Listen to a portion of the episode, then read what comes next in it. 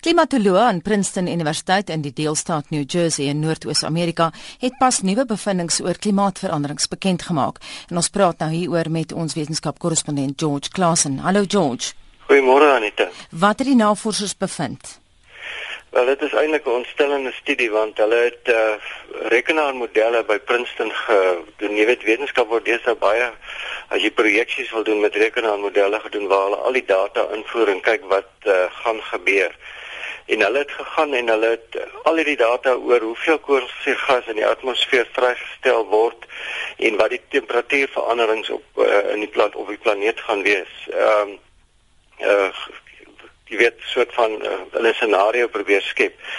En wat hulle gevind het is dat ons eintlik baie minder koolstofgas moet afskei as wat ons gedink het tot nou toe. Jy weet op die oomblik het hulle gesê ons kan kan leef met 'n 1 miljard ton in die atmosfeer gaan die aarde net 2 grade warmer word.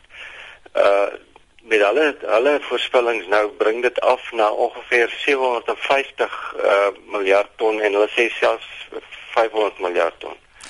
Uh, George net kortliks hoe het hulle te werk gegaan?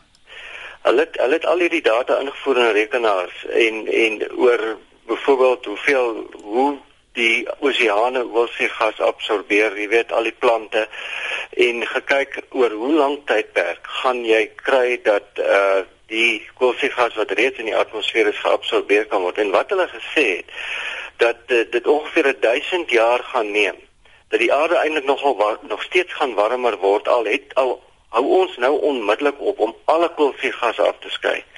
Dit wil sê geen uitskeiding uit motors of watter manier ook al koolstofgas afskryf natuurlik onmoontlik is. Dan gaan die planeet 'n uh, eeu lank uh, daar waar hulle gedink het die planeet 'n eeu lank afgekoel het, het, het die weer weer begin warmer word met 'n gemiddelde van ongeveer 0.37 grade Celsius vir die volgende 400 jaar. Omdat die oseane minder en minder hitte begin absorbeer het.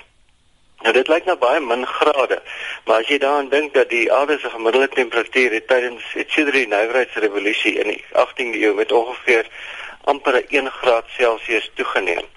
En ons die voorspellings is nou dat ons teen 2050 teen 2050 gaan ons sit met 'n 2 grade uh, verwarming. Dit is hoekom die pole so vinnig besig is om te smelt. En die man met daardie uh, slegte nuus vir ons was ons wetenskapkorrespondent George Claassen.